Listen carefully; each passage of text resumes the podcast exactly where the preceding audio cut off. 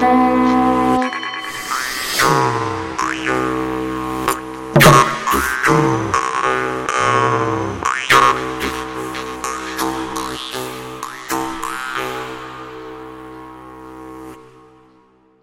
dienu jums teica tradicionālās kultūras raidījuma laika ritu raksta vadītāja Iveta Medene.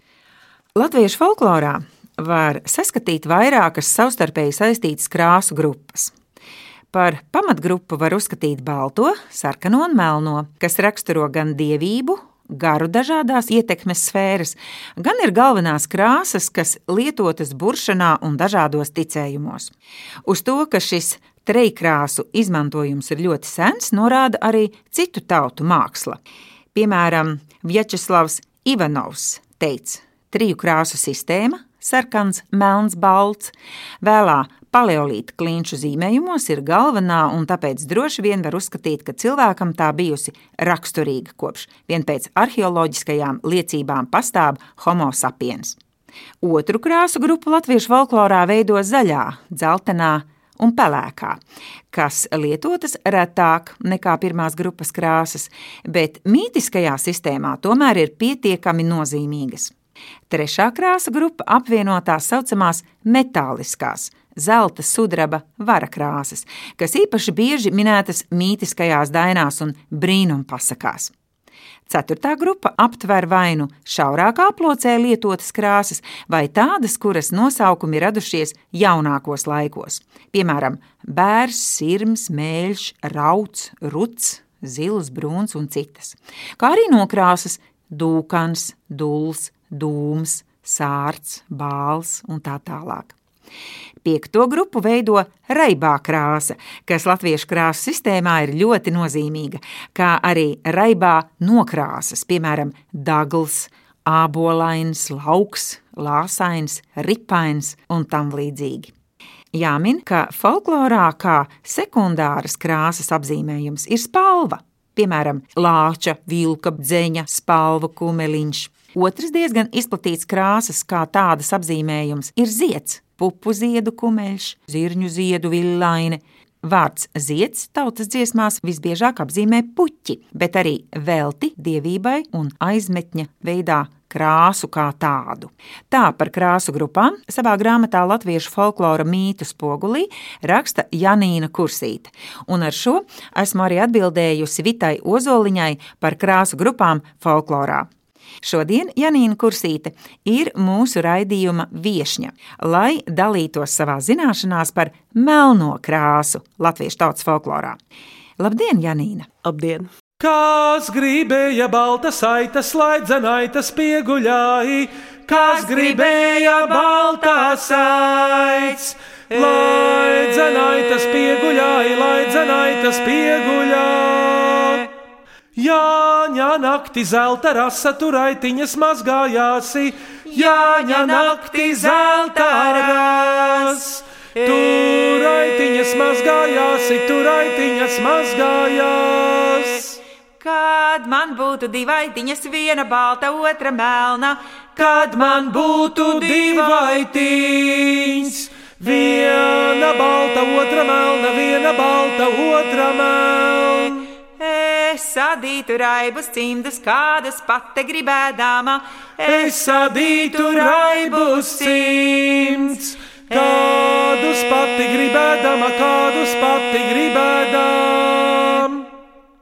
Par baltās krāsas senumu mēs uzzinājām pagājušajā raidījumā. Bet šobrīd, Janīna, tu varētu izstāstīt, kā ir ar melnās krāsas senumu un ko par to saka valodnieks Konstantīns Karolis. Jā, valodnieks Konstantīns Karolis latviešu etimoloģijas vārnīcas veidā man vienmēr stāv uz rakstām galda Man arī. arī daudziem citiem, kas Jā. Jā. interesējas par mūsu valodas vēsturi un vārdu nozīmēm. Pirmkārt, jau balts, melns un sarkans. Vēlreiz ir jāpasvītro, ka tās ir vissenākā krāsu trijotne, kas pazīstama viscaur pasaulē.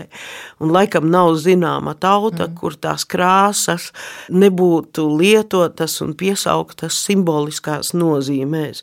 Lai arī sākotnēji, ja salīdzina ar baltu, melns, tādā ikdienas nozīmē liktos kaut kas sliktāks vai nevērtīgāks, melns ir tikpat sena kā balts un tikpat daudznozīmīga krāsa kā balts vai kā sarkans.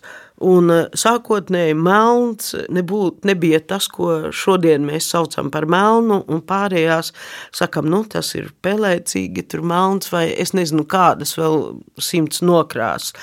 Melns, radniecīgs vārdam mēļš un melīnas arī lietuviski, varētu arī latviski ietilpa gan zili melns ar tādu tumši zilu piekrāsu, tā ka tas bija plašāks. Es teiktu, tas ietvēra nozīmi tumšs, pretstatā gaišam, baltam. Un, es to arī tā sapratu. Jā. Tumsā, tumsā, kas par tumsu, ejā, kas par tumsu, Es par tumsu nebēdāju, ejā, nebēdāju. Tumsiņai vakarā, ejā, vakarā. Pats pārvedu līgā viņu, ejā, līgā viņu. Pats pārvedu līgā viņu, ejā, līgā viņu. Zvaigžņu sēgu haudējiņu, ejā, haudējiņu. Būs manām kumeļām, ejā kumeļām, zvaigžņu segā mugurai, ejā mugurā. Nu varēšu tumsājāt, ejā tumsājāt, līdz uz lēcā mēnestīņas, ejā mēnestīņas. Tumsā, tumsā, kas par tums, ejā, kas par tums. Es par tumsu nebēdāju, ejā, nebēdāju. Melns pirmām kārtām saistījās ar materiālo pasauli, ar zemi. Ja mēs skatāmies, tad zeme taču var būt atkarībā no augsnes sastāva dažāda, bet vienmēr zeme, zemes māte saistīta ar melno. Un tādā nozīmē tā apzīmē auglību, ražību. Un um, dievības, kas saistītas ar auglību, ražību, mēdz parādīties un samērā bieži melnā krāsā, vai arī tās parādās tādā dzīvnieku veidolā. Dievības tā pati māra var būt kā melna govs īdoša vai melna vista, arī melna čūska, un tas ir pozitīvā nozīmē domāts. Tāpat arī laimai, ka melna nebūs, bet ražības auglības dievībām. Un e, arī šai nozīmē, lai lauki būtu ražīgi, vienmēr upurēja melnas krāsas, lopu vai putnu. Māju putnu, es domāju, ne meža putnu. Es redzēju melnu vistu, pircjumtiņu laipojot, pircjumtiņu laipojot. Tā nebija melnā vista, tā sieviņu mīļā laima, tā sieviņu mīļā laima. Melna vista purināja manā govu dārziņai, manā govu dārziņā. Sev purina pilnu pērkli, mantelīšu pilnu dārzu, mantelīšu pilnu dārzu. Es redzēju melnu vistu, pie debesu zvērojami, pie debesu zvērojami. Krīt zemē melnā vista, krīt apiņu dārziņai krītā piņu dārziņā.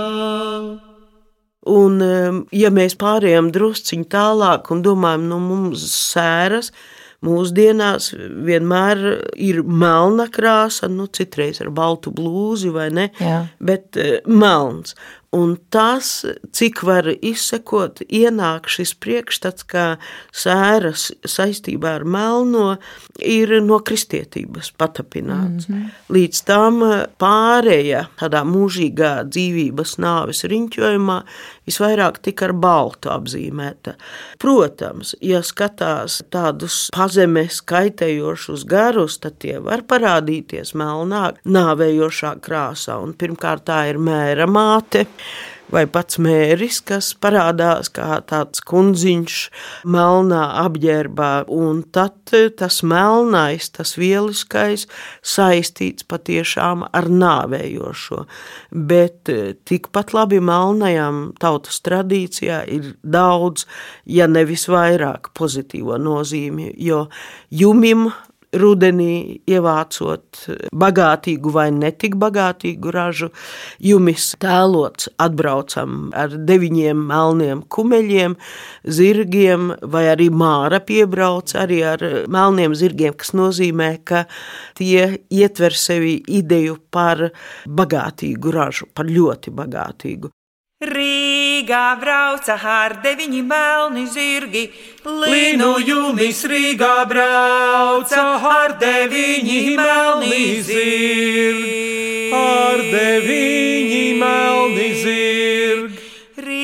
Rīgas kungi siekiem naudu mērodāmi, Pretīm nāca Rīgas kungi, siekiem naudu mērodām, siekiem naudu mērodām. melnu zirgu piekulava durtiņāmi, Kas piesēja melnu zirgu piekulāva durtiņām, piekulāva durtiņām. Piesēja miežu jumis atraisīja, Rudzu jumis piesēja, miežu jumis atraisīja, miežu jumis atraisīja. Bet reizē melns, protams, apzīmē to, kas izriet tīri no ikdienišķā, tumsu, nakti un negaisu. Un e, šeit melnā krāsa diezgan bieži tiek lietota tā saucamajās mīklu dziesmās. Aizdaugavas siliņā divi melni suņi rēja, tie nebija melni suņi, tie bija dieva kumeliņi. Šī arī ir ārkārtīgi svarīga un sena tautas dziesma, ja te arī jau iepriekšējā raidījumā par balto pieminēts tāds formas paņēmiens, negatīvā analoģija. Nu, saka, divi melni suņi, un pēc tam noliec, nē, tie nebija melni suņi, tie bija dieva kumeliņi. Jāsaka, ne vienā gadījumā, ne otrā mēs īsti nevaram saprast, par ko ir runa. Kas tad ir tie dieva kumeļi? Vai līdzīgi arī tautas dziesma sasameta melni kraukļi lielajā rudzālē. Tie nebija melni kraukļi, tie bija dieva kumeliņi. Visticamāk, šajos abos gadījumos runa par tumsu. Varbūt tas ir negaiss, kas uznāk līdz ar tumsu, bet visticamāk, vispār tumsa. Dieva kumeļi, tie var būt dieva dēli, jeb arī vispār laiks, kas vēl līdzi dienu prom, un iestājas nakts, divi kraukļi vai divi melni kumeļi. Liktos, nu, kas lietas pateikt tiešiem vārdiem, ka diena pagājusi, vakars arī jau garām, un tūlīt būs nakts. Vai mūsu senči bija tādi ārkārtīgi poētiskas būtnes, Nē, tās lietas, kas saistījās ar atmosfēras parādībām, pat ar ikdienas, kā rītausma, vai saulriets, vai tumsas iestāšanās, uzskatīja, ka pret to visu jāpieiet godīgi. Un varbūt tu, tu, tu es trīsreiz nospļaujos. Mēs arī dzīvojam zemē, kur um, nav zemestrīces un kur nav postošas stihijas. Un mēs ļoti bieži nenovērtējam to dieva dāvanu dzīvot šai zemē. Un varbūt tā ir daļa no mūsu senču nopelna, no viņu godbības pret dabu, ko mēs šodien gan attiecībā pret mežiem, gan attiecībā pret mūsu augu pasauli nenovērtējam un domājam bieži naudas un kaut kādā materiālo iegūmu kategorijās. Daba un tajā iemiesotie dievišķie spēki mēdz atspēlēties un ļoti nežēlīgi. Jā. Jā, tāpēc jādzied par viņiem, jāgodina ir dziesmā, ko arī tūlīt darīsim, dziedāsim. Aizdaugavas siliņā ir divi melni suņi rēja. Aizdaugavas siliņā ir divi melni suņi rēja. Tie nebija melni suņi, tie bija dieva kumeliņi. Tie nebija melni suņi, tie bija dieva kumeliņi. Nedrīkstēju drīzījāti, neiemauktu skandināti, nedrīkstēju drīzījāti, neiemauktu skandināti. Arī tāpat eh, tumsa ir kā melns gailis ar kuplo asti, kas tiek vilkts par jūru tievā diegā. Arī tāds šodien liktos dīvains priekšstats, kad diena nāk, tad balts gailīts kuplastīts, kad nakts, tad melns gailīts kuplastīts un diegā. Te ir priekšstats par to, ka kā cilvēka dzīvība nereti tiek diegā vilkta, tā arī diena, nakts un citas parādības, kas cikliski mainās un pārtop saturošā substance ir tievs diegs. Un kad likteņa dievība vai dievs kādu pārtrauc, tad tiek pārcirsts, tieks, un eh, līdz pat jaunlaiku dzējai Fricim bērnam dzīvīte, dzīvīte šupojos tevi, un kas izirst vai tiek pārauts. Jā. Tas jau kā tāds poetisks tēls, bet sakņojas senos gan mūsu tautas, gan arī plašāk priekšstatos par to. Diegs vai pavadiens, ko mēs neredzam, bet kamēr dzīvojam, tas mūs saista pie mūsu likteņa dievībām un labajiem gariem. Cik skaisti. Melns gailītis kuplo asti pār jūriņu diegu vilkā, Melns gailītis kuplo asti pār jūriņu diegu vilkā. Jūra kliedza, jūra brēca, nevar diega salocīti. Jūra kliedza, jūra brēca, nevar diega salocīti. Par to sarežģītāk, bet reizē vienkāršāk. Un tomēr netik vienkārši ir gandrīz visiem zināmā dziesma par melnu čūsku. Jā, tieši to es gribēju jautāt Jā, par melno nu redzi. vidū jūras uzakmeņa. Jā, vidū jūras uzakmeņa, kas maļ miltus. Tā varbūt ir viena no spēcīgākajām dziesmām, ko mēs mēdzam dziedāt. Tā kā apraujāmies īsti nezinot, saprotot, ka kaut kas draudīgs tur ir. Tātad melna čūska, miltus mala, jau pašas aliterācijas, melna miltus mala. Tad maģisku Ui. vārdu savijums, burtiski Jā, jā. vienā grodā masā, vidū jūras uzakmeņa. Pirmotnējie ūdeņi, hausa ūdeņi, bet vidū jūras ir gan pasaules pirmradīšanas vieta, gan arī vieta, kur radīt to iznīcināt, atpakaļ aizsūtīt. Un otra daļa ir jaunāka un ar daudziem variantiem. Pirmā Arī par vīru paliek māti, jā. nemainīga, Arī, Jā. nu, tos būs es tiem kungiem, liksim to šo, kas bez saules strādināja. Jā. Tagad, paldies Dievam, kungu nav, arī biedru nav, bet tā jēga ir eh, teksta pirmajā daļā, tā ir ļoti stipra nolādējuma formula. Tas ir nāves vēlējums. Un eh, šo dziedot, ir jāpadomā, kam. Es domāju, ne vīra māte, ne sievas māte, ne krāpnieks, puisis, ne krāpniece, bijusi draudzene vai vēl kāds, kas tevi piekrāpjas.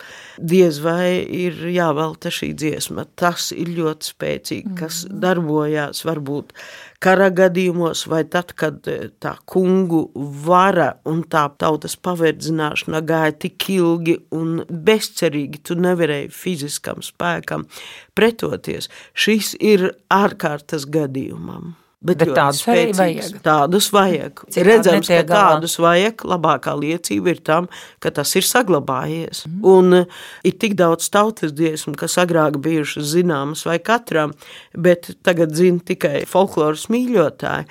Bet šo dziesmu, lai kā zina gandrīz katrs jauns un vecs. Melna čūska, miltu smala, kalado, kalado, vidū jūras uz akmeņa, kalado, kalado. Tos būs ēsti tiem kungiem, kalado, kalado, kas bez saules strādināja, kalado, kalado. Kungiem ēsti to maizīti, kalado, kalado, ne maniem bāliņiem, kalado, kalado. Melna čūska, miltu smala, Kalado, kalado, vidū jūras uz akmeņa, kalado, kalado. Tos būs ēsti tiem kungiem, kalado, kalado, kas bez saules strādināja, kalado, kalado. Kungiem ēsti to maizīti, kalado, kalado, ne maniem bāliņiem, kalado, kalado. Man izbrīnīja šī dziesma par to garo pupu, kad uzkāpj pa pupas zariņiem un atrod melnu vēlnu pašā pupas galotnē. Es agrāk kaut kā nebiju jā. tādu dziesmu pamanījis. Jā, melna krāsa. Diez vai kāds teiks, ka velns mēdz būt balts, vai vēlnām gan mēdz būt sarkanas, kvēlojošas acis, vai kaut kas tāds no tāda piederumiem sarkans, visbiežāk acis kvēlojošs. Bet pats velns ir melns. Un tas rāda vēlna, ar sešu vārdu sakot, chtonisko dabu, jeb to, ka vēlns ir zemes dievība. Jā, bet viņš tenī pupas galā debesīs. E, Un Tas te ir jautājums, Jā. kur atrodas chtoniskā pasaule. Tradicionāli, nu kā valns ir vai ūdeņos, pirmotnējos, purvos, jā. vai zem kosmiskā koka saknēm, vai purvos, mm -hmm. kaut kādās tādās nomalēs, bet bieži arī ir nesaprotami uzkāpjot augšā, it kā tur arī ir zeme. Un e, jo pretrunīgākas vai dažādāk tulkojamas kādas tādas liecības, jo tas tikai liecina, ka tie priekšstati ir senāki. Protams, tas nav vienīgais liecinājums, bet te uzkāpjot augšā, tātad te puisis, kuram jāaiziet iniciācijas pārbaudījumi, tas virziens obligāti ir vertikālais. Un uzkāpjot debesīs, viņš nonāk veļu valstī. Un tur ir viss tas pats. Atkal tur ir zeme, tur ir melns jā. velns vai jodumāte, kas Jā. burtiski ar jodas, lietuviski melnais, eh, kas arī nozīmē melnu krāsu. Viņam, lai kļūtu piederīgs kultūra pasaulē un spēcīgs kultūra pasaulē, viņam ir jāpārvar šim puisim gan velns, gan velna māte, gan joda māte, kādās variācijās būtu. Un melns šeit ir materiāls, un tai brīdī viņam jātiek vaļā no tā materiālā. Dažkārt šī vēlna iedomāšanās, ka tas ir tas pats, kas kristietībā sātans, tas noved pie bēdīgām sekām un netaisnīgi apvaino folkloras vēlnu, kas vienkārši zemes dievība saistīta ar auglību, ražību, bet reizē arī ar šo materiālo pusi. Jā, tur ir arī ar nāvi saistība, bet nebūt tas nav sātans. Man bija viena turku pupa, to stādīju kalniņā. Mani zauga gara pupa līdz pašām debesīm. Es uzkāpu debesīs, papupiņa zariņiem. Es atradu melnu valnu pašā pupas galotnē. Es to vēlnu sakapāju deviņos gabalos. Apskrēj mani zīžu svārki ar tām vēlnā asinīm. Pasakieti, labi ļaudis, kur es viņus izmazgāšu. Taju pēji izmazgāsi, kur deviņas traumes tek. Pasakieti, labi ļaudis, kur es viņus izžāvēšu. Tai dārzā izžāvēsi, kur deviņas saules spīd. Tātad par melnās krāsas nozīmi tautas dziesmās ar folkloristi Janīnu Kursīti turpināsim runāt nākamajā tradicionālajā kultūras raidījumā Laika ritu raksti. Skaņu režijā Rēnis Budze un Māris Lācis. Raidījumu vadīja Iveta Medene. Dziesmas dziedāja Iveta un Vidvuds Medeņi. Uz sadzirdēšanos nākamajos laika ritu rakstos.